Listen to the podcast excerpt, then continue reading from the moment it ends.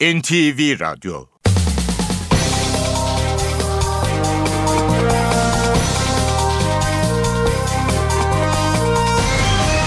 İşe Giderken Mutlu sabahlar. Ben Aynur Altunkaş. Bugün 25 Aralık Çarşamba. Saat 9'a kadar Türkiye ve dünya gündemine yakından bakacağız. Önce gündemin başlıkları. Pakistan'dan dönen Başbakan Erdoğan Esenboğa Havalimanı'nda çok sayıda partiliye seslendi. Milletin hakkını çalan varsa bunun hesabını biz de sorarız dedi. Bedduaya lanet, duaya davet etti. Başbakan Erdoğan dün gece evinde bazı bakanlarla toplantı yaptı. İçişleri Bakanı Muammer Güler, Çevre ve Şehircilik Bakanı Erdoğan Bayraktar ve Avrupa Birliği Bakanı Egemen Bağış da toplantıya katıldı.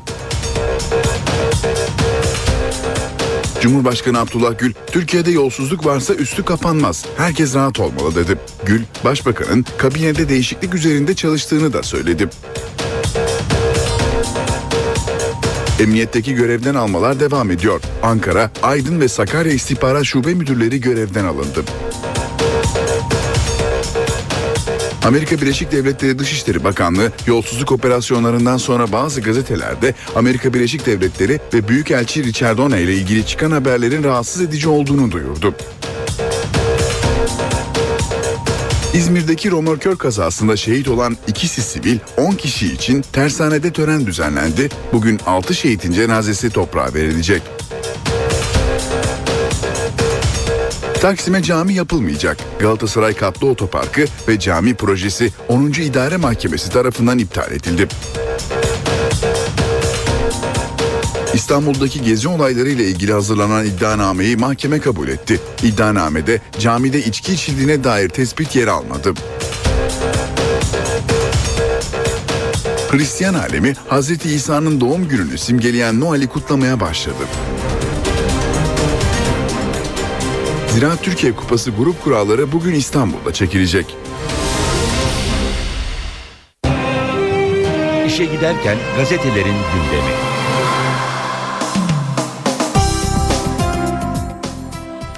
Yoğun günden bakalım gazetelere nasıl yansımış. Milliyet gazetesi Gül'den iki önemli mesaj diyor manşette. Cumhurbaşkanı yolsuzluk soruşturması için ilk kez konuştu. Yolsuzlukla ilgili bağımsız mahkemelerin millet adına en doğru kararı vereceğini söyleyen Gül, hukuk devletlerinde çift başlı bir yapının olamayacağının altını çizdi. Yine Milliyet gazetesinden aktaralım. Hata yapanlar hesap verecek. İçişleri Bakanı Güler köşkteki törenin ardından soruları yanıtladı. Hakkındaki iddiaların asılsız olduğunu savunan Güler, bir siyaset mühendisliği yapılmıştır dedi. Güler soruşturmanın şantaj amaçlı olduğunu, hakkındaki dolaylı dinlemelerin delil sayılmadığını, kendisi de dahil hata yapan kim varsa hesap vereceğini söyledi. Pakistan'dan kabine mesajı başlığını görüyoruz. Başbakan Erdoğan kabinede yapılması beklenen revizyonla ilgili ilk mesajını Pakistan'da Ulaştırma Bakanı Binali Yıldırım'a verdi. Erdoğan Pakistan'la imzalanan ortak anlaşma öncesi Yıldırım'a gel son imzanı at dedi. Pakistan ziyaretinin ikinci gününde İslamabad'da Başbakan Nawaz Şerif'le görüşen Erdoğan iki anlaşma imzaladı. Üç döneme dört farklı formül diyor Milliyet.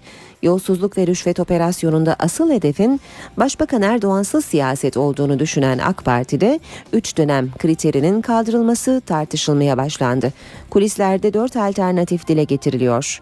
Merkez Karar Yönetim Kurulu karar alır, Tüzük Kongresi ile karar değişir, bir partilinin başvurusuyla Yüksek Seçim Kurulu karar verir, Anayasa Mahkemesi kararıyla olabilir. Hürriyetle devam edelim basın özetlerine. Kabineyi konuştuk diyor manşeti Hürriyet'in. Cumhurbaşkanı Gül büyük rüşvet operasyonu için hiçbir şeyin üstü kapanamaz, devlet otoritesinden başka otorite olamaz diye konuştu. Köşkte ceviz yedi başlığını da görüyoruz Hürriyet'te. Çankaya Köşkü'ndeki törene katılan İçişleri Bakanı Muammer Güler'in açlığını bastırmak için cebinden çıkardığı küçük poşetler içindeki ceviz ve hurmaları yemesi dikkat çekti. İhmal şehitleri İzmir Alay Bey tersanesinde önceki gün yaşanan faciada büyük ihmallerin olduğu ortaya çıktı. Havuzdaki iki gemiden biri suya indirilirken Değirmen derenin dayanaklarından biri devrilince gemi yan yattı. Yangın söndürme sistemi devreye girdi. Bölmeler karbondioksitle dolunca içeride bulunan ikisi işçi, 8'i asker, 10 kişi havasız kalarak şehit oldu. Devam ediyoruz basın özetlerine yine hürriyetten. Camide içki içilmemiş Gezi Parkı eylemleriyle ilgili 255 sanıklı iddianame mahkemece kabul edildi. Savcılık Dolmabahçe Camii'nde içki içildiğine dair bir tespitte bulunulmadığını bildirdi. İddianamede şüphelilerin camiye başlangıçta zor durumda oldukları için ayakkabıyla girmiş olsalar bile sonrasında ayakkabılarıyla gezinmeye devam ettikleri ifade edildi. Geçelim Sabah gazetesine. Başbakan Erdoğan'ın Pakistan dönüşü Esenboğa Havalimanı'nda yaptığı konuşmayı Sabah gazetesi sürmanşetten veriyor. Bedduaya lanet, duaya davet başlığıyla. Başbakan Erdoğan'dan Pakistan dönüşü önemli mesajlar. Bir tercihle karşı karşıyayız ya millet ya zillet. Millet diyenler kazanacak. Bu akşam buradan bedduaya lanet, duaya davet diyorum. Biz bedduayla değil duayla emrolunduk. Onlar tuzaklarını kurmaya devam etsinler ama halkın ve hakkın tuzağından daha güçlü tuzak yoktur. Onun için sabırlı olacağız. Biz bu tuzaklara düşmeyeceğiz daha çok kenetlenmeye devam edeceğiz. Tüyü bitmemiş yetimin hakkını milletin kasasından alan varsa hesabını biz de sorarız, hukuk da sorar. Sabahın manşeti lobi kurduk siz de katılın. Angiyat, Ankara Genç İş Adamları Derneği Başkanı'ndan müthiş açıklama. Amerikan Büyükelçiliği siyaset ataşesi gelip hükümete karşı lobi oluşturuyoruz dedi. Devam ediyoruz Cumhuriyet gazetesiyle her yerde rüşvet diyor Cumhuriyet manşetinde. Yüksek hızlı tren soruşturmasındaki iddialara göre iş adamları işlerini tırnak içinde bağışla yürütmüş diyor Cumhuriyet haberinde. Bir diğer başlık Babek'in banka hüllesi.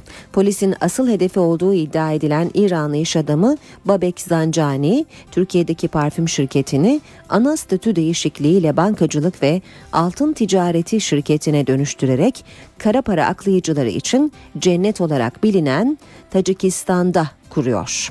Avukatların hukuk direnişi diyor Cumhuriyet Çağdaş Hukukçular Derneği üyesi avukatlar dün ilk kez yargıç karşısına çıkarken 500'ü aşkın avukat da destek verdi.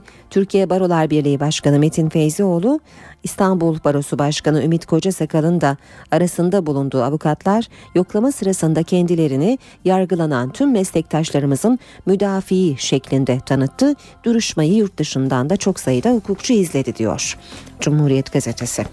Geçelim radikale ister inan ister inanma manşetiyle çıkmış radikal Türkiye'yi sarsan operasyon haftasını doldurdu. Halkbank Genel Müdürü Arslan, iş adamı, sarraf ve çocukları suçlanan bakanların savunmaları birbirinden ilginçti diyor radikal. Muammer Güler başlığı altında Güler'in şu ifadeleri var. Oğlumun evindeki para sattığı villadan evrakı var. Satışta ipotek sorunu doğmuş. Bankaya konulsa kaynağının gösterilmesi mümkün değil. Bakan Zafer Çağlayan ne benim ne evladımın ve ne de onun kadar değerli çalışma arkadaşlarımın bir yanlışın içinde olması söz konusu olabilir diyor. Halkbank Genel Müdürü Süleyman Arslan kutudaki paralar bağış için açıklamasını yapmıştı. Erdoğan Bayraktar'ın da şahsımla alakası yoktur başlığıyla ifadeleri var. Oğlum ve e, çalışma arkadaşlarımın masum olduğuna inancım tam diyor Bakan Erdoğan Bayraktar. Başbakan Erdoğan'ın Pakistan dönüşü havalimanında yaptığı konuşmayı radikal önce yol arkadaşı sonra yol başlığıyla veriyor. Erdoğan'ın gündeminde yolsuzluk operasyonu vardı. Yol arkadaşı yoksa yol neye yarar? Milletin kasasından yiyen varsa hesabını biz sorarız dedi Erdoğan. Beddua tartışması içinde bedduaya lanet, duaya davet dedi. Devam edelim Zaman Gazetesi'yle. Yolsuzluk varsa üzeri kapanamaz. Yargı sürecine saygılı olunmalı. Cumhurbaşkanı Gül'ün açıklamaları. Devlet kurumlarında çalışanların farklı düşünceleri ve ideolojileri olabilir bu meşrudur. Kamu işlerinde anayasa, kanunlar bağlayıcıdır. Bunun dışında hiçbir otorite söz konusu olamaz.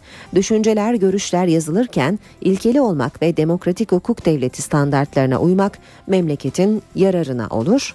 Dün operasyona ilişkin sorular üzerine Cumhurbaşkanı Gül bu açıklamayı yapmıştı. Star'la devam edelim. Yine Cumhurbaşkanı Gül'ün açıklamalarını görüyoruz. Devlette farklı otorite olamaz başlığıyla veriyor Star gazetesi manşetinde. Bir diğer başlıkta kirli operasyonda 3 hedef diyor Star. Operasyon Türkiye'nin yükselen finansal gücünü kırmak, 400 milyar dolarlık kentsel dönüşüm projesini sekteye uğratmak ve dini hizmetlerin önünü kesmek için yapıldı diye iddia ediyor.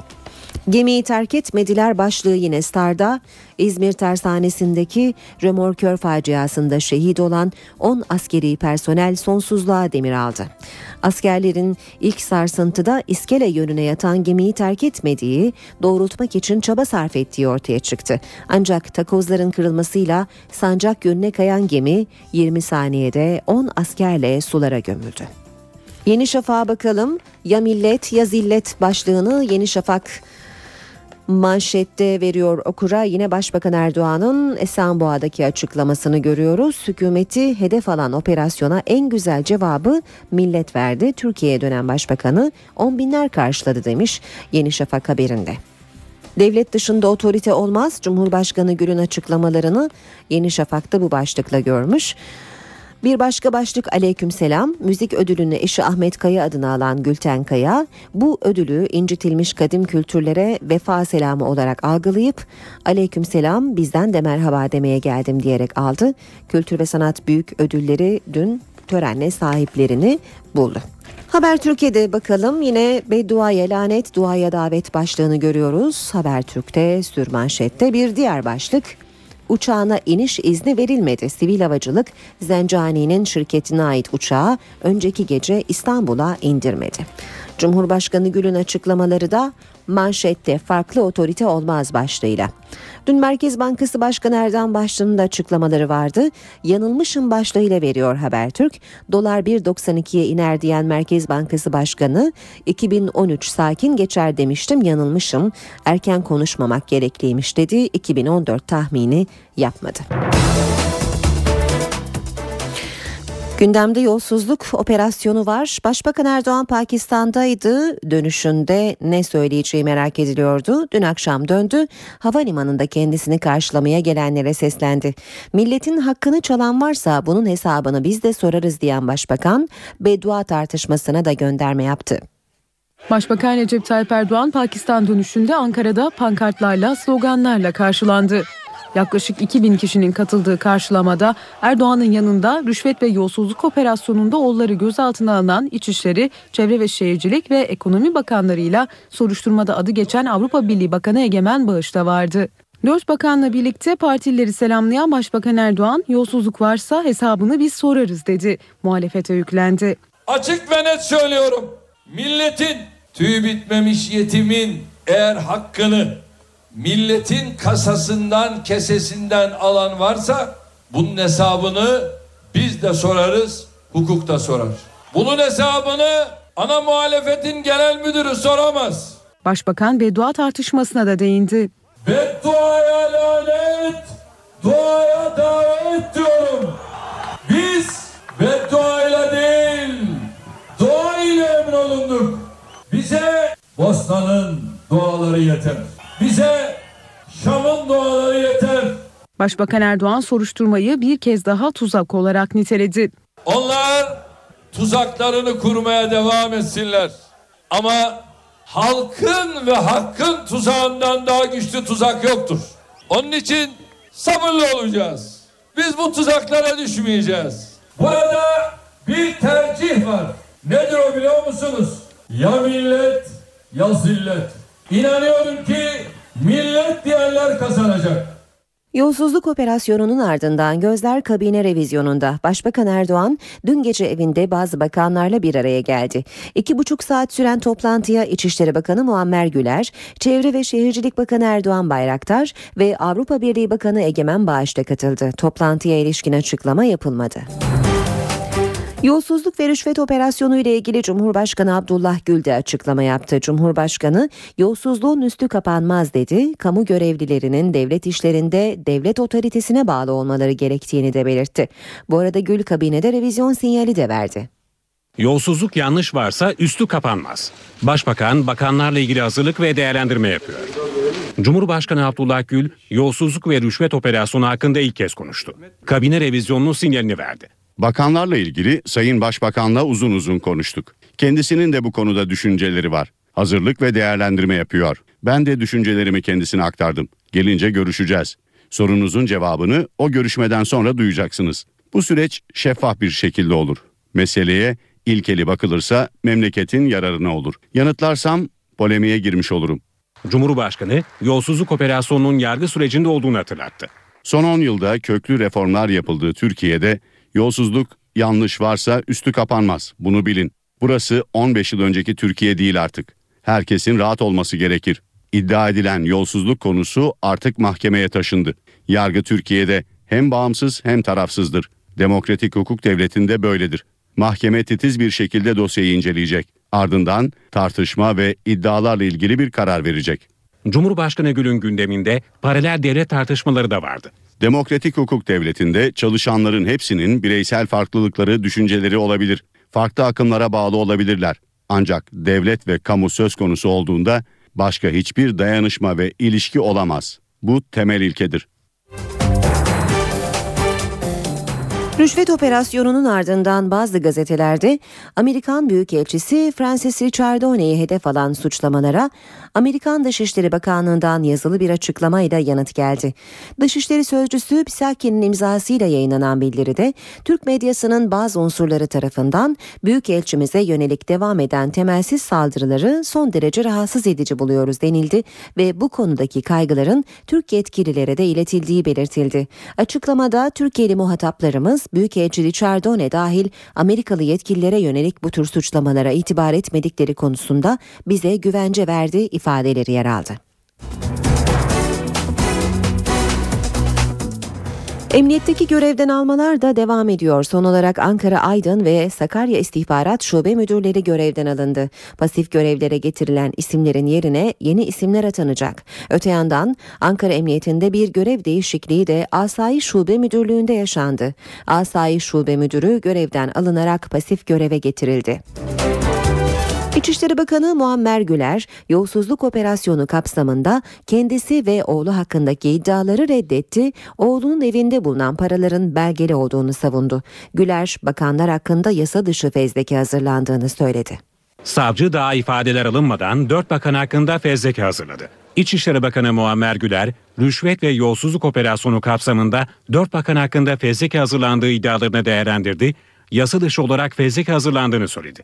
Bu bir adli dava değil, siyasi algı davasıdır. Türkiye'de devlet içinde bir yapılanma var. Siyasi mühendislik yapılıyor. Daha ifadeler alınmadan dört bakan için fezleke hazırlanıp polisin önüne konmuş. Savcının fezleke düzenlemesi kanun dışı. Ne polisin ne savcının fezleke yetkisi yok. Cumhurbaşkanlığı Kültür ve Sanat Ödülleri töreninde konuşan Güler, kendisine ve oğluna yönelik iddiaları da yanıtladı. Oğlumun evinde bulunan para sattığı villanın parasıdır. Bütün evrakları vardır. Tüm delilleri belgeleriyle sunacağım. Oğlum rüşvete aracılıktan tutuklandı. Bu dosya şantaj için hazırlanmış. Muammer Güler, iş adamı Rıza Sarraf'la görüşmesine ilişkinde dikkat çekici açıklamalar yaptı.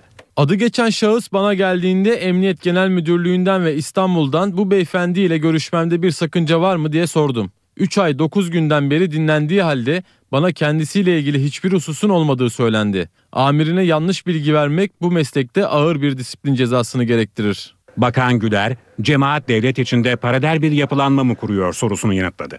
Devlet içinde bir yapılanma çalışması var. Bunu bütün boyutlarıyla ortaya çıkarmak görevimiz. Bunlar her şeyi kendi kafalarına göre yapmışlar. Bunları geçmişte de yapmışlardı. Mağdurlar değişik ama bunu o zaman da şimdi de yapanlar aynı. Hem emniyet hem yargıyı kullanarak hukuk ayaklar altına alınmıştır. İçişleri Bakanı operasyonu televizyondan öğrenmesiyle ilgili ise benimle ilgili, benim oğlumla ilgili bir suç varsa benden saklanabilir. Ama bu ülkenin bir başbakanı var diye konuştu.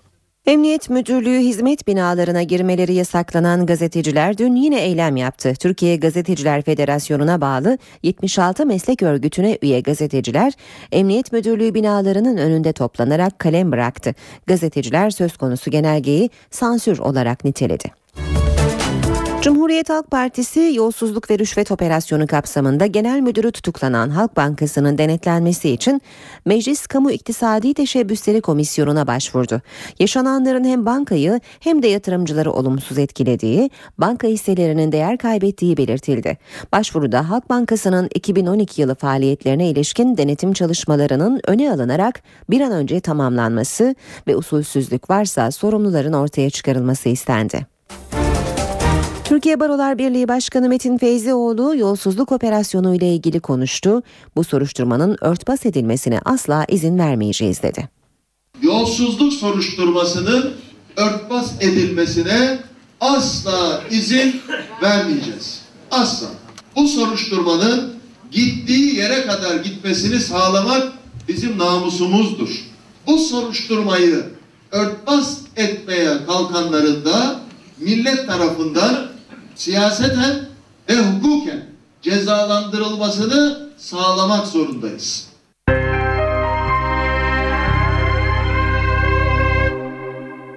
Isparta İl Emniyet Müdürü Yardımcısı Abdi Altınok intihar etti. Ailenin ihbarıyla olay yerine giden sağlık ekipleri Altınok'u hastaneye kaldırdı. Haberi alan Isparta Valisi Vahdettin Özkan ve İl Emniyet Müdürü Mehmet Or hastaneye gitti. Altınok hastanede müdahalelere rağmen hayatını kaybetti. Sağlık Bakanlığı Müsteşar Yardımcısı Muhammed Mısır görevinden istifa etti. Mısır açıklamasında 112 acil rüşvet skandalı iddiası üzerine soruşturmanın daha sağlıklı yürümesi adına görevinden istifa ettiğini bildirdi. Mısır'ın 100 bin lira rüşvet aldığı iddia edilmişti. Müsteşar Yardımcısının avukatı iddiaların asılsız olduğunu ve yasal girişim başlatacaklarını söyledi. İstanbul'daki gezi olayları ile ilgili hazırlanan iddianame kabul edildi. 7'si yabancı 255 sanık hakkında hapis cezaları istenen iddianameye göre Bezmi Alem Valide Sultan Camii'nde içki içildiği tespit edilemedi. Hukuki hak arama yolları dışına çıkılarak Gezi Parkı işgal edildi, kolu kuvvetlerine saldırıldı. Yetki ve sıfatları olmadığı halde doktor üniforması giyen kişiler başkalarını yanıltıcı şekilde hareket etti. İbadethaneyi kirletmek suretiyle zarar verme suçu işlendi ancak camide içki içildiği tespit edilemedi. Bu ifadeler İstanbul'daki gezi olayları ile ilgili hazırlanan iddianamede yer alıyor. İstanbul 55. Asya Ceza Mahkemesi'nin kabul ettiği iddianamede 255 sanık hakkında toplantı ve gösteri yürüyüşleri kanununa muhalefet, görevi yaptırmamak için direnme, kamu malına zarar verme, suçluyu kayırma ve hırsızlık gibi suçlamalar var. İddianamede ayrıca Bezmi Alem Valide Sultan Camii'ndeki kamera görüntülerinin çözünürlüğünün düşük olduğu, fotofilm şubesindeki iyileştirme çabalarına rağmen camideki sanıklardan EÖ'nün elindeki kutudan ne içtiğine yönelik bir tespitin yapılamadığı da ifade edildi. Ancak iddianamede camideki ayakkabılıkları ters çevirerek tezgah gibi kullanıldığı, cami içindeki güvenlik kameralarıyla minber kısmında Arapça yazılar bulunan perdelerden bir kısmının çalındığı öne sürüldü. İstanbul 55. Asya Ceza Mahkemesi sanık sayısının fazla olması nedeniyle duruşmanın Mayıs ayının ilk haftasında 5 güne yayılmasına karar verdi. Taksim'e cami yapılmayacak. Galatasaray Katlı Otoparkı ve Cami Projesi 10. İdare Mahkemesi tarafından iptal edildi. Mahkeme bölgenin özelliği gözetilmedi dedi. Taksim'e cami yapılmayacak. Karar İstanbul 10. İdare Mahkemesi'nden çıktı. Mahkeme yapılmak istenen projeyi bölgenin özelliğini yeterince gözetmemesi, bütünsellikten uzak olması gibi nedenlerle uygun bulmadı. Ayrıca Galatasaray'a yapılması istenen çok katlı otoparka da izin çıkmadı. İdare Mahkemesi bu karar alırken korunmaya muhtaç alanların özelleştirildiği, Beyoğlu'nun yerel özelliğinin göz ardı edildiği, kültür odaklı turizm yerine ticaret ve hizmet odaklı turizme ağırlık veren bir planlamanın tercih edildiğine karar verdi. Düzenlemenin gelir düzeyi yüksek turistlere yönelik olduğu, ayrıca burada yaşayan insanları kentten ve Beyoğlu'ndan uzaklaştırmaya yönelik kararlar içerdiği de ifade edildi. Cihangir Güzelleştirme ve Galata Dernekleri 2011 yılında Beyoğlu Belediye Başkanlığı, Kültür ve Turizm Bakanlığı ve İstanbul Büyükşehir Belediye Başkanlığı'nı söz konusu projeyle ilgili dava etmişti.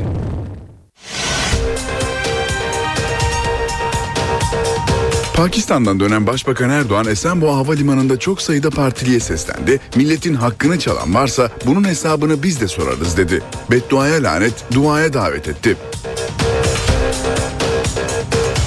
Başbakan Erdoğan dün gece evinde bazı bakanlarla toplantı yaptı. İçişleri Bakanı Muammer Güler, Çevre ve Şehircilik Bakanı Erdoğan Bayraktar ve Avrupa Birliği Bakanı Egemen Bağış da toplantıya katıldı. Cumhurbaşkanı Abdullah Gül, Türkiye'de yolsuzluk varsa üstü kapanmaz. Herkes rahat olmalı dedi. Gül, Başbakanın kabinede değişiklik üzerinde çalıştığını da söyledi. Emniyetteki görevden almalar devam ediyor. Ankara, Aydın ve Sakarya İstihbarat Şube Müdürleri görevden alındı. Amerika Birleşik Devletleri Dışişleri Bakanlığı yolsuzluk operasyonlarından sonra bazı gazetelerde Amerika Birleşik Devletleri ve Büyükelçi Richard O'Neill ile ilgili çıkan haberlerin rahatsız edici olduğunu duyurdu.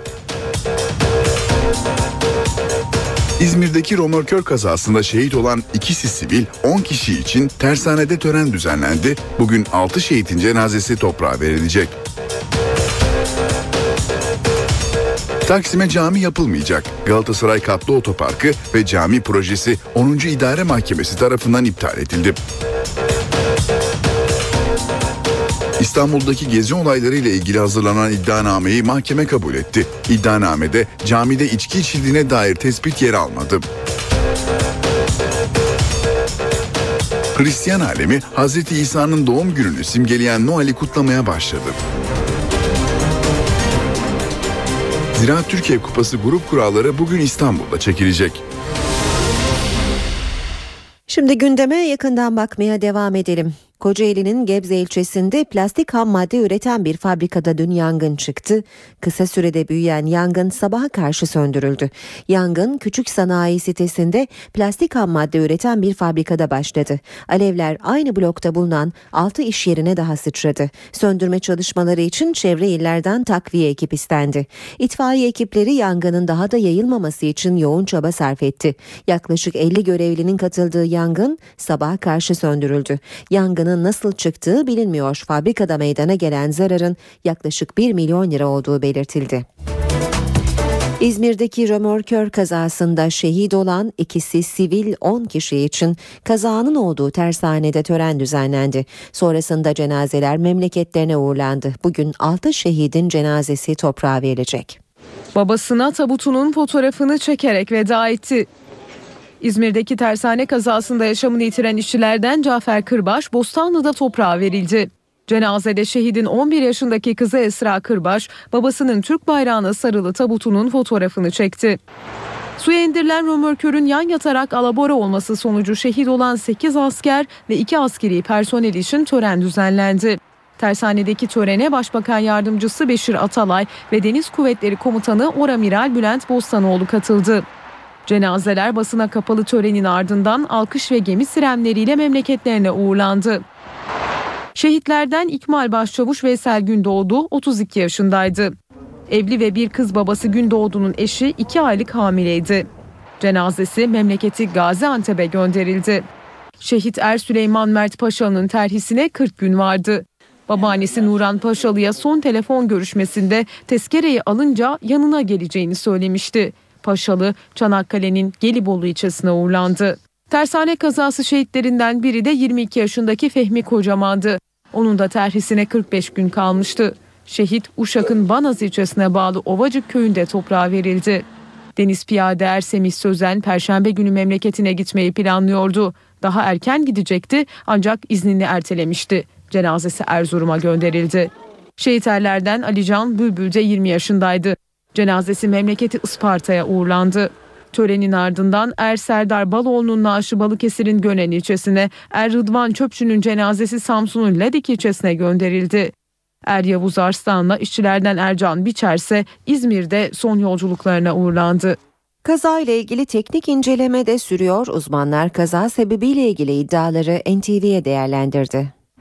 Alışıla geldik kazalardan biraz farklı bir görüntüydü gördüğüm. İzmir'deki facia römorkörün gemi havuzuyla suya indirilmesi sırasında meydana geldi. Çıkış esnasında olduğunu biz okuduk. Yani havuzdan çıkacakmış gemi. Dolayısıyla havuz kuruya çıkarken anladığım kadarıyla oluyor. O sırada alabora olmuş gemi.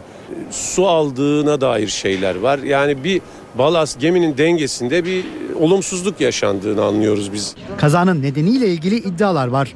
Yapılan incelemede bakım yapılan havuzda römorkörün yanında bir mayın tarama gemisi olduğu tespit edildi.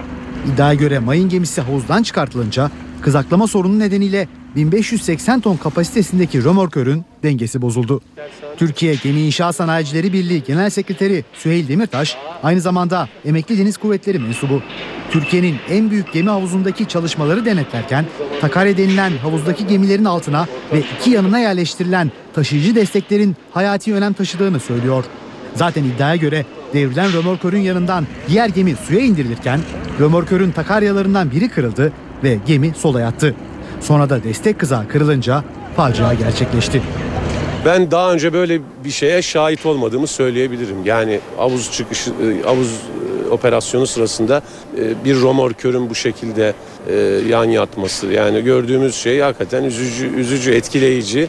Deniz Kuvvetleri konuyla ilgili geniş çaplı soruşturma başlattı.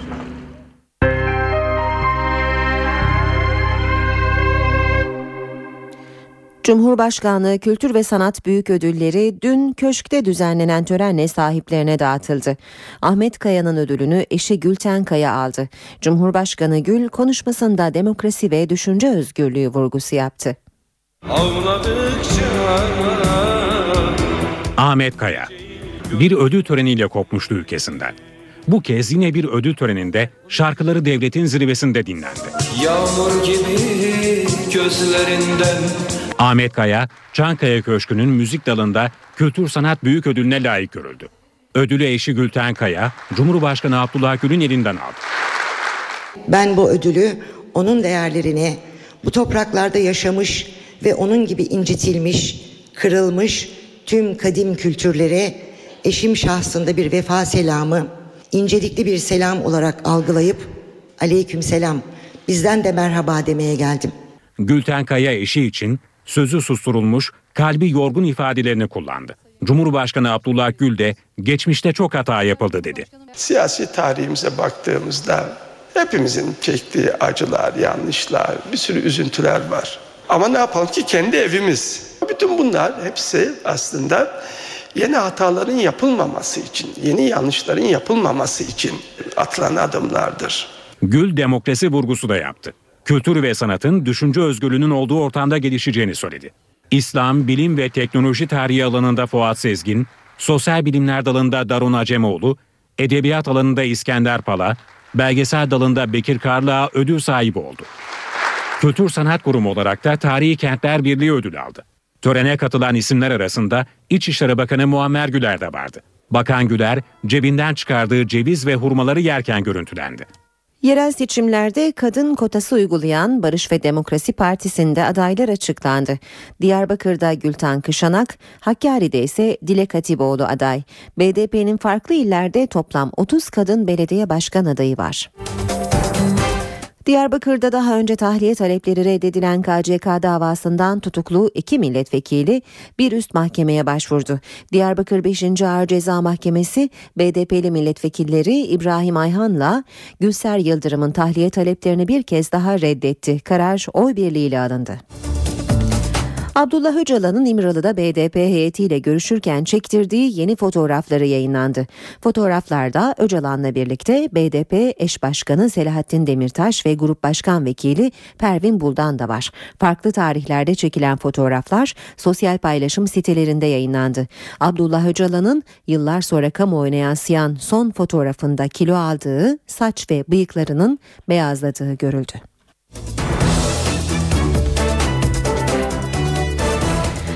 Çok renkli görüntülere sahne olan Başbakan Erdoğan'ın Pakistan ziyareti bitti. Erdoğan ziyaretin son gününde başkent İslamabad'da mevkidaşı Nawaz Şerif'le görüştü. Başbakan Recep Tayyip Erdoğan'ın Pakistan'daki ikinci durağı başkent İslamabad oldu. Başbakanı Pakistanlı mevkidaşı Nawaz Şerif karşıladı. İkili görüşme öncesi basının karşısına geçen başbakan Urduca çok yaşa Pakistan anlamına gelen Pakistan zindabat dedi.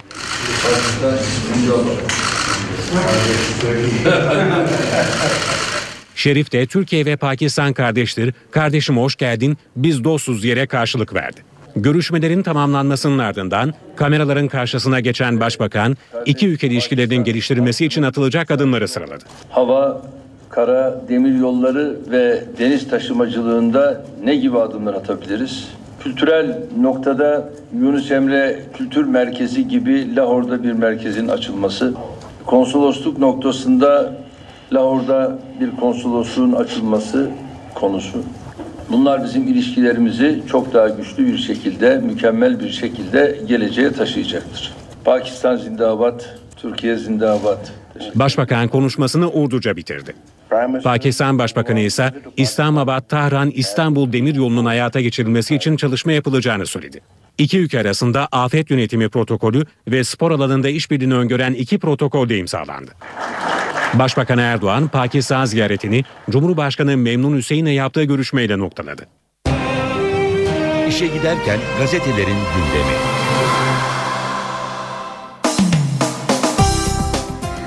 Şimdi spor gündemine bakalım. Gazetelerden başlıklar okuyalım.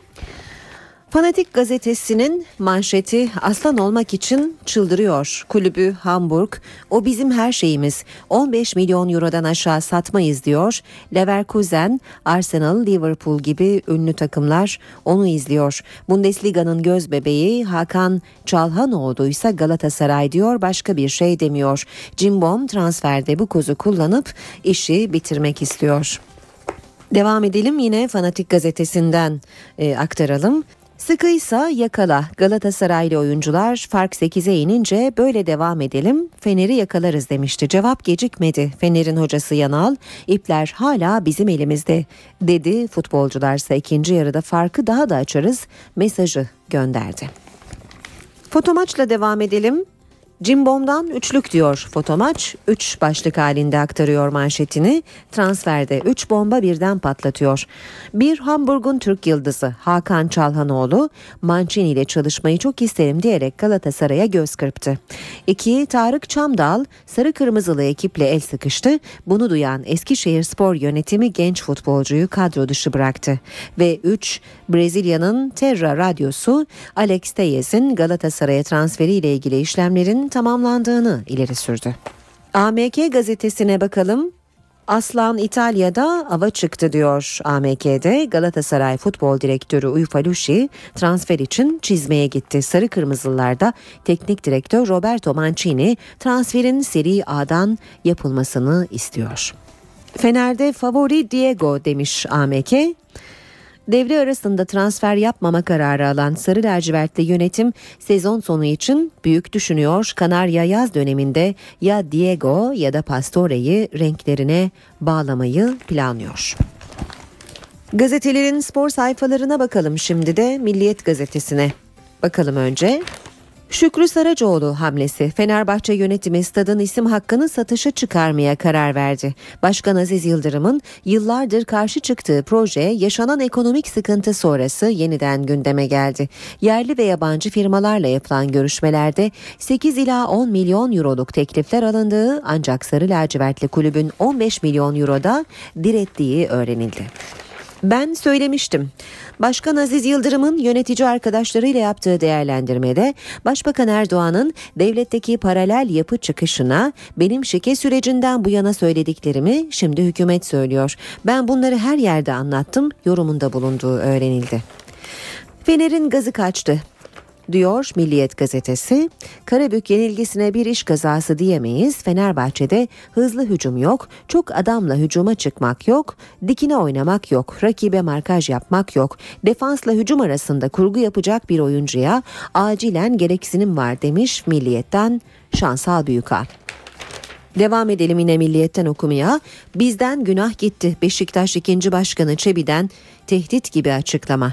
Kasımpaşa maçının tekrar edilmesini isteyen Ahmet Nur Çebi, Beşiktaş taraftarının haklı bir sitemi var. Kendilerini zor tutuyoruz. Taraftarımız üzerimizde bir baskı yaratıyor. Haklı olarak bu işi beceremiyor musunuz diye yorumlar yapıyorlar. Bundan sonraki gelişmelerden sorumlu değiliz ve mesuliyet alamayız dedi.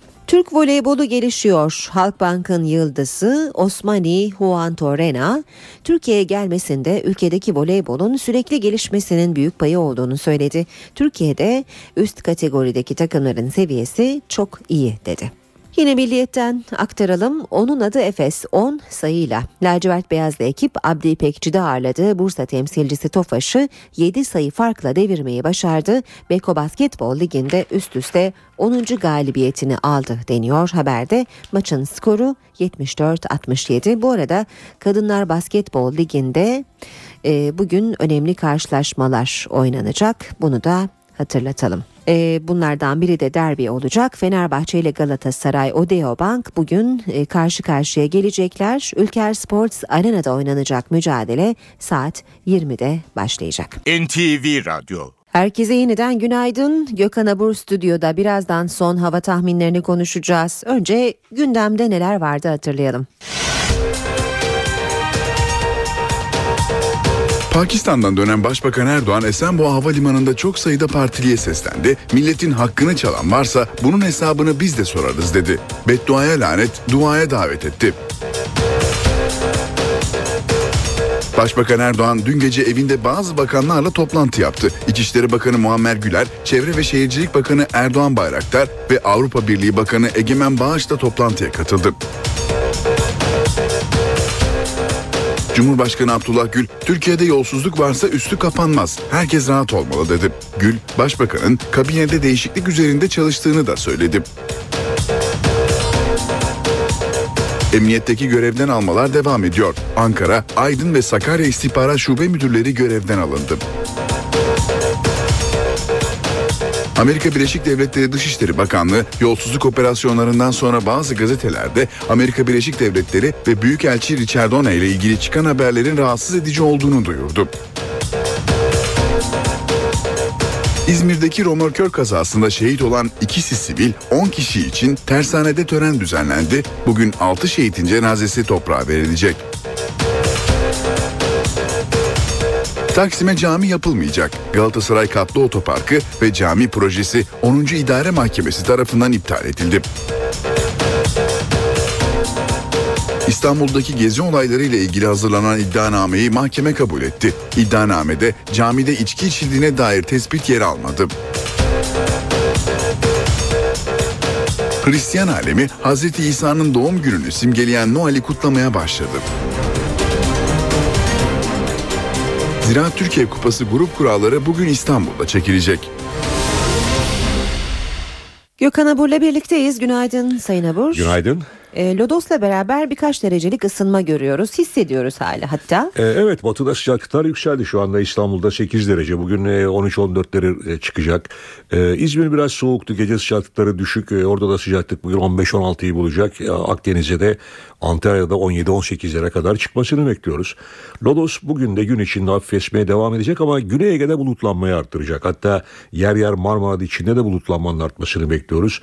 Basınç azalıyor. Bu azalıştan dolayı e, ki e, bize doğru gelmeye çalışan ama bir türlü gelmeyen e, işte İngiltere'de Fransa'nın e, Atlantik kıyılarında kuvvetli fırtına ile birlikte e, sağanaklara sebep olan sistem evet. ucu biraz bize doğru yaklaşmaya çalışıyor. O da e, bulutlanmayı arttıracak. Rüzgarlar çok kuvvetli değil. Bugün için özellikle öğle saatlerine itibaren Bodrum ve Fethiye Körfezi'nde keşişleme dediğimiz güneydoğu rüzgarın kuvvetli esmesini bekliyoruz. Artacak bulutlanmaya bağlı olarak da e, kıyı kesimlerde Güney Ege'de hafif de olsa bir yağış görülebilir. Ama iç kesimlerde doğuda soğuk hava etkisini sürdürüyor. Yer yer sis, pus, don ve buzlanma oldukça etkili. İç Anadolu bölgesinde hemen hemen tümünde sis ve pus var. İç Ege sisli. Marmara'nın güney kesimlerinde Bursa'da Balıkesir'de e, ve Sapanca tarafında e, göl, göl bölgesinde özellikle orada sis pus etkili. Edirne'de çok yoğun bir sis var. Doğuda ise soğuk hava etkili. Yine Erzurum dün geceyi oldukça soğuk geçirdi. Gece saatlerinde sıcaklık eksi 26 dereceye kadar düşmüştü. Ama şu anda Erzurum'da biraz olsun yükseldi ve eksi 15 derece civarında. Kars'ta sıcaklık oldukça düşük ve Güneydoğu'da bulutlanma artıyor ama Diyarbakır'da çok soğuk bir hava var. Diyarbakır'da hava hala soğuk. Bugün için yine dondurucu sis etkisini bölgede sürdürmeye devam edecek. Ama bulutlanmanın artmasıyla birlikte yarın sıcaklıkların orada da hem gece hem gündüz sıcaklıkların Güneydoğu'da da biraz yükselmesini bekliyoruz. Evet e, Güney Ege dışında yağış yok. Bugün için tekrar söylemek istiyorum. Sıcaklıklar da yükselmeye devam edecek. Basıncın azalmasına bağlı olarak özellikle yarın e, hafif yağışlar kıyı kesimlerinde Ege'nin görülebilir. Cuma akşam saatlerinde ise ve pazar günü de Güney Ege ve Batı Akdeniz'de yer yer sağanak yağmur geçişleri görülebilecek gibi gözüküyor. Çünkü çok hızlı bir şekilde gelen yoğun bir bulut kümesi var. Onlar neler getirecek de bunlar ilerleyen saatlerde sizle tekrar paylaşacağız. Gökhan Abur teşekkürler. İşe giderken gazetelerin gündemi.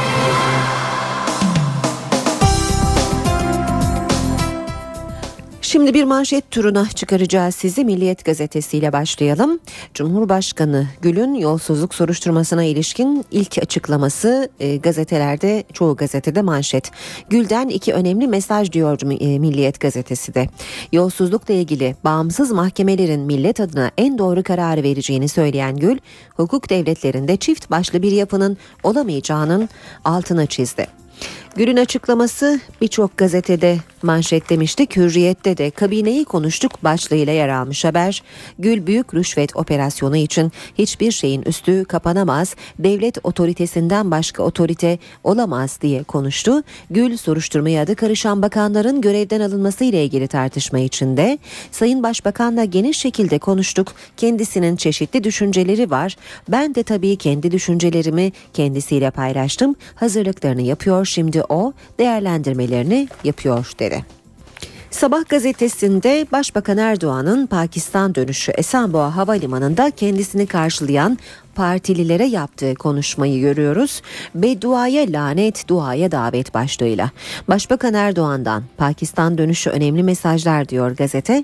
Bir tercihle karşı karşıyayız. Ya millet ya zillet. Millet diyenler kazanacak. Sabahın manşeti lobi kurduk siz de katılın. Ankara Genç İş Adamları Derneği Başkanı'ndan müthiş açıklama. Amerika Büyükelçiliği siyasi ataşesi gelip hükümete karşı lobi oluşturuyoruz dedi.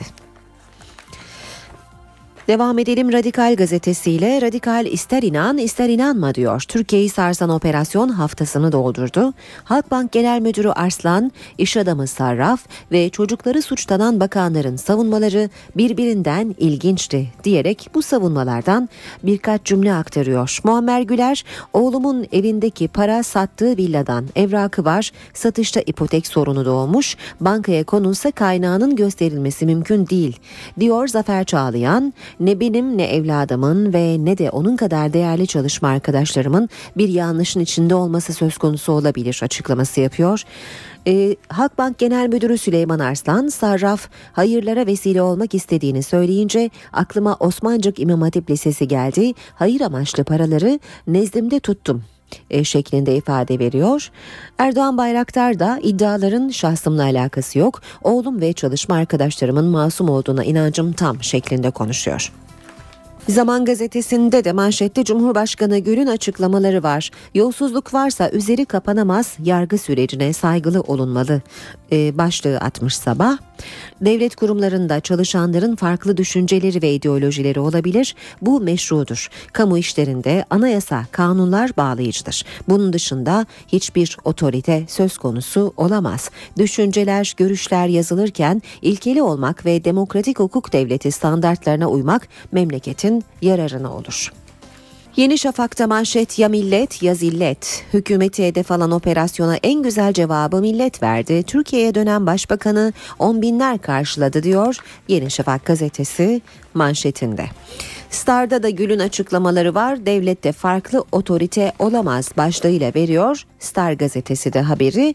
E, sür manşette ise milletin duası bize yeter başlığıyla e, Başbakan Erdoğan'ın konuşmalarını görüyoruz.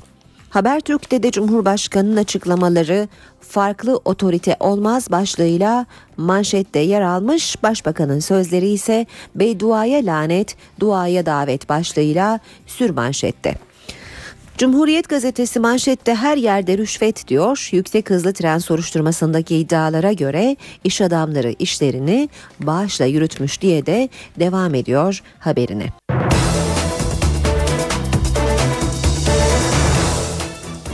Saat 8.17 NTV Radyo'da işe giderken de birlikteyiz. Gündeme yakından bakmaya devam ediyoruz. Başbakan Erdoğan dün akşam Pakistan'dan döndü. Havalimanında kendisini karşılamaya gelenlere seslendi. Milletin hakkını çalan varsa bunun hesabını biz de sorarız diyen başbakan beddua tartışmasına da gönderme yaptı.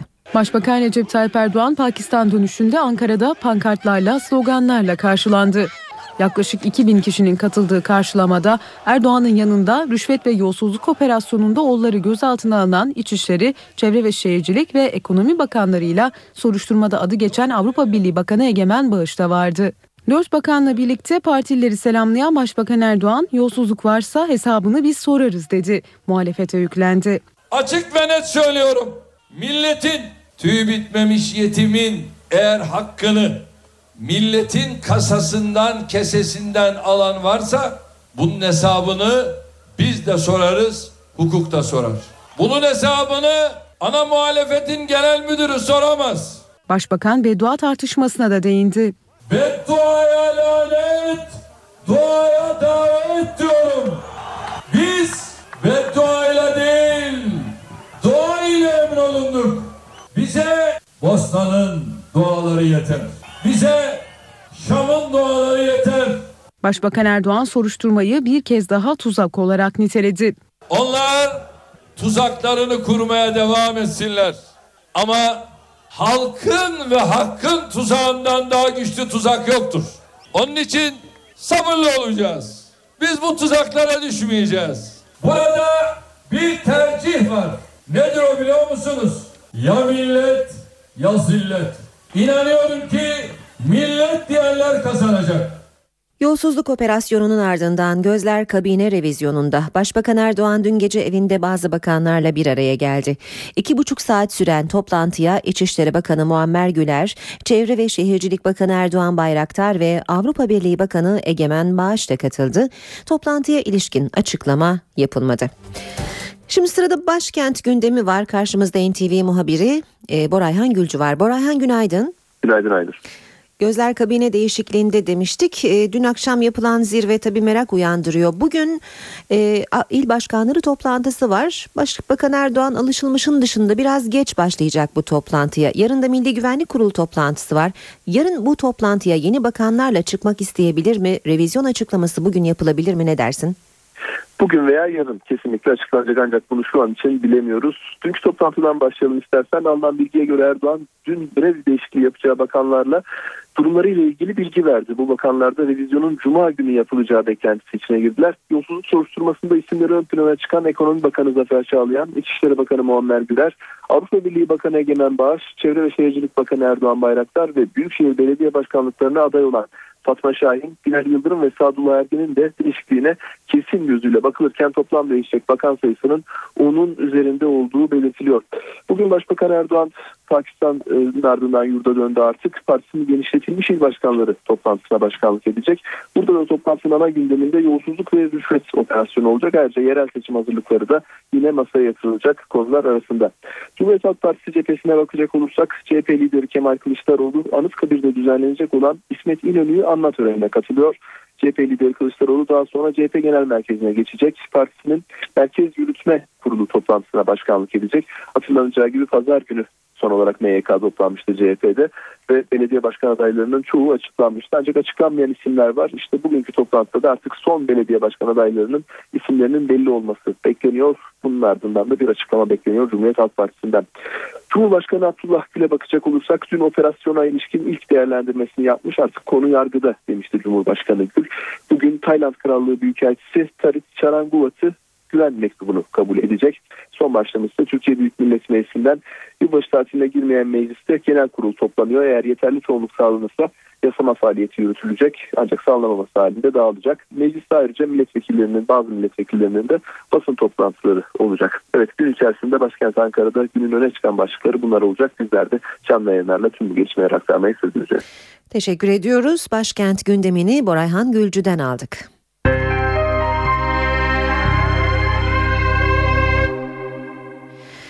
İstanbul'da devam edelim. İstanbul'daki gezi olayları ile ilgili hazırlanan iddianame kabul edildi. 7'si yabancı 255 sanık hakkında hapis cezaları istenen iddianameye göre Bezmi Alem Valide Sultan Camii'nde içki içildiği tespit edilemedi.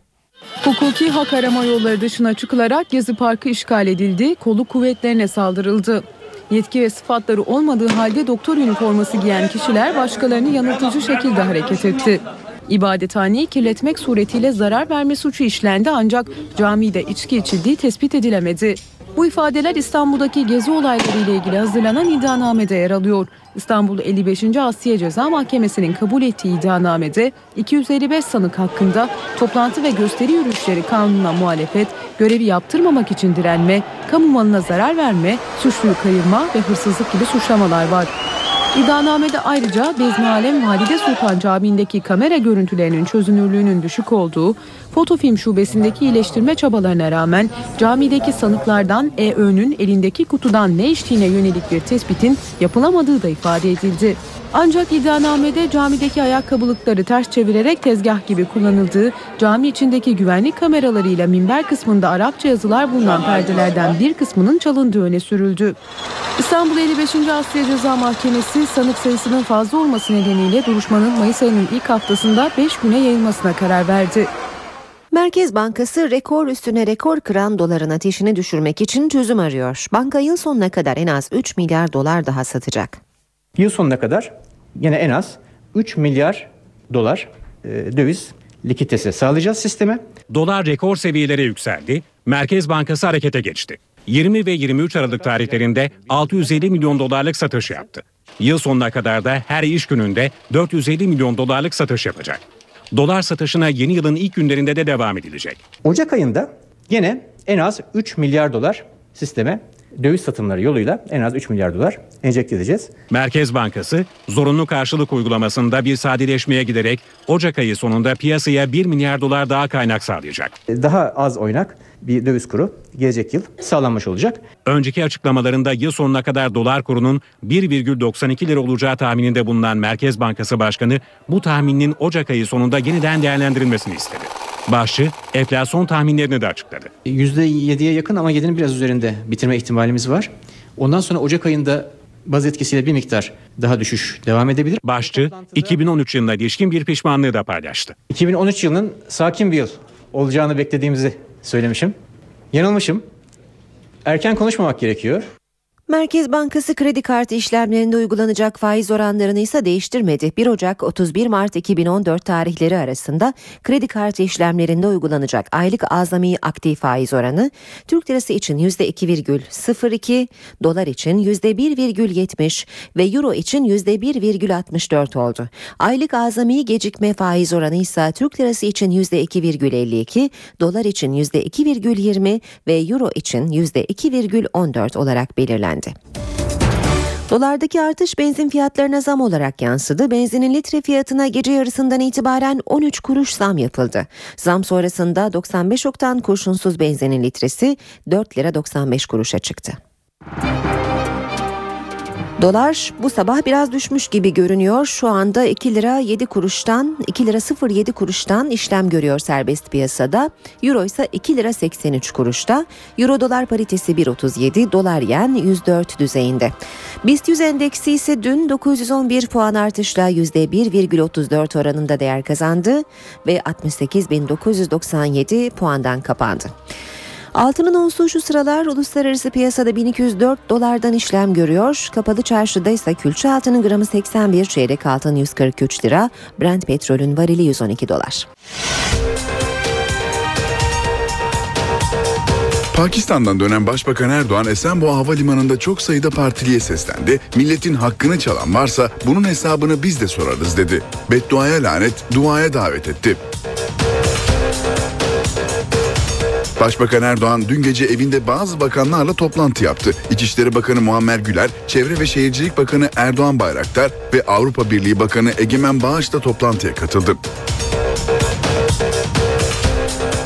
Cumhurbaşkanı Abdullah Gül, Türkiye'de yolsuzluk varsa üstü kapanmaz. Herkes rahat olmalı dedi. Gül, Başbakanın kabinede değişiklik üzerinde çalıştığını da söyledi.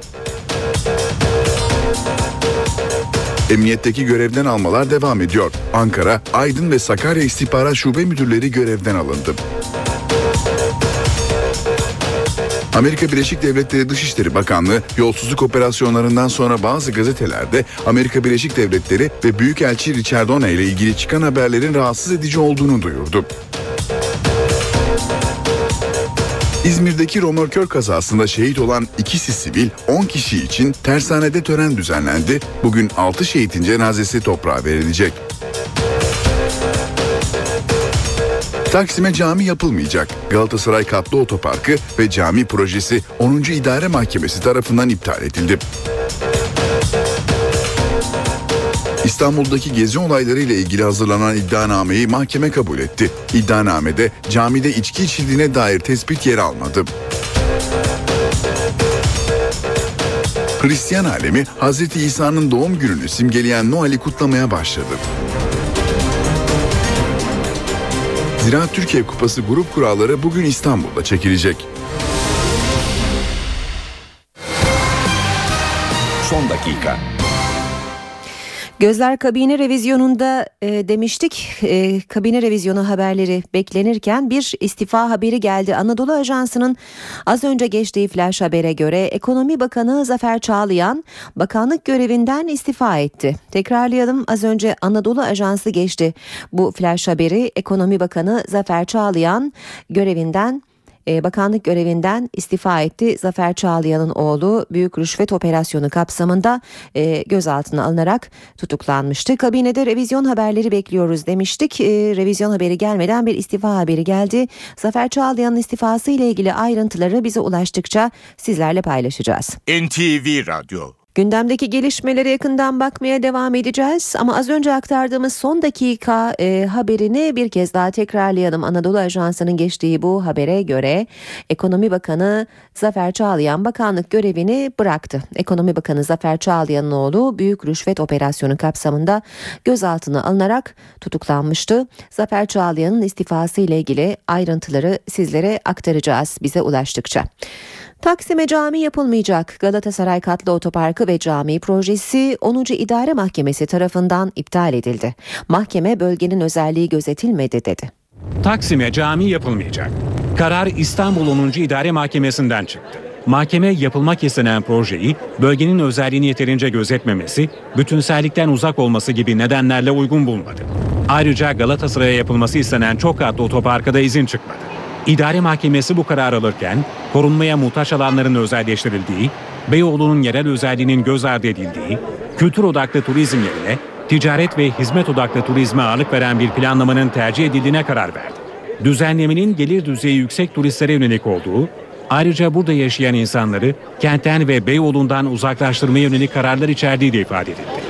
Cihangir Güzelleştirme ve Galata Dernekleri 2011 yılında Beyoğlu Belediye Başkanlığı, Kültür ve Turizm Bakanlığı ve İstanbul Büyükşehir Belediye Başkanlığı'nı söz konusu projeyle ilgili dava etmişti.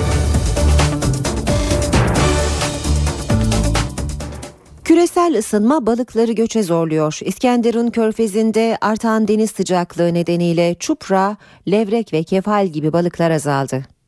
Küresel ısınma balıkların göç etmesine neden oluyor. Küresel iklim değişikliğinin Türkiye sahillerine etkisini araştıran uzmanlar çarpıcı sonuçlar elde etti. İskenderun Körfezi'nde ortalama 16 derece olması gereken deniz sıcaklığı 24 derece olarak ölçüldü. Bu yüzden çupra, levrek ve kefal gibi balıklar göç etmeye başladı. Onların yerine Pasifik denizinde yaşayan mercan balıkları geldi. Bölgemizde ne yazık ki e, son 3 yıldır yapılan gözlemlerde bu e, sıcaklığın e, Aralık ve Ocak aylarında 17 derecenin altına inmediği görülüyor. Bu da balıkçılarla yapılan röportajlarda yaptığım saha çalışmalarında balıkların azalması, stokların azalmasını da birlikte beraberinde getirdiğini gördük. Bu durum balıkçıları olumsuz etkiledi. Bu sezonda umduğunuzu buldunuz mu denizde? Sezonda yok. Uzmanlar balık türlerinin yok olmaması için önlem alınmasını istiyor. Ekonomi Bakanı Zafer Çağlayan'ın istifa ettiğini duyurmuştuk. Zafer Çağlayan istifasını yazılı bir açıklamayla e, bildirdi. Açıklamada şu görüşlere yer verdi Çağlayan. 17 Aralık tarihi itibariyle gerçekleştirilen operasyonun hükümetimize, partimize ve ülkemize karşı kirli bir tezgah olduğu çok açık bir şekilde ortadadır. Yakın çalışma arkadaşlarımın ve evladımın da dahil edildiği bu çirkin oyunu bozmak ve gerçeklerin ortaya çıkmasını sağlamak için Ekonomi Bakanlığı görevinden ayrılmış bulunmaktayım. Haberlere devam edelim. Amerikan Yale Üniversitesi'nde görev yapan Türk doktor Murat Günel uyguladığı tanı yöntemiyle karaciğer kanseri olan 1,5 yaşındaki kız çocuğunu tamamen iyileştirdi. Bu diğer hastalar için de umut demek. Adı Derin. Henüz 18 aylık. Ama o minik bedeniyle bir ilke imza attı. Türk doktoru sayesinde karaciğer kanserini yendi. Derinin rahatsızlığı henüz 8 aylıkken başlamıştı. Derin bebek doğduğu zaman kaşıntı şikayeti başlamış. Karaciğerde bir kitle keşf- keşfedilmiş. Bu biyopsi yapıldığında da kanser olduğu ortaya çıkmış. Bebekte kanser çıkması çok çok nadir. Derinin ailesi Amerika'da Yale Üniversitesi'nde profesörlük yapan Doktor Murat Günel'e ulaştı. Doktor Günel kendi geliştirdiği tanı yöntemini uyguladı. Kanserin sebebini buldu. Tüm 22 bin genin genetik şifresi okunduğu zaman bu e, safra tuzlarını karaciğerden atan bir proteinde bozukluk yani mutasyon olduğu tespit edildi. Safra tuzları e, atılamadığı için karaciğerde birikiyor ve sonuç olarak kansere yol açıyor. Önce tümör alındı, ardından uygun tedaviye başlandı. Derin bebek günden güne iyileşiyor. Her şey planlandığı gibi ilerlerse ocağın ilk haftasında tedavisi tamamlanmış olarak Türkiye'ye geri dönecek. Sayesinde karaciğer kurtulmuş oldu, kanserden tamamen kurtulmuş oldu. Murat Günel, DNA'nın şifresi çözüldükçe derinde olduğu gibi kişiye özel kanser tedavisinin mümkün olacağını söylüyor. Artık tüm kanserlerde çok çabuk bir şekilde birkaç hafta içinde genetik şifreyi okuyup kanserlerin niye ortaya çıktığını anlayabildiğimiz için kişiye özel ilaç verme şansımız doğuyor. Doktor Günel, bazı kanser türlerinin tamamen tedavi edilebileceğinin de altını çiziyor. Üstelik yakın bir gelecekte. Kanseri bir düşman olarak düşünün. Düşmanı yenebilmek için bir savaşta zayıflığını anlamanız lazım.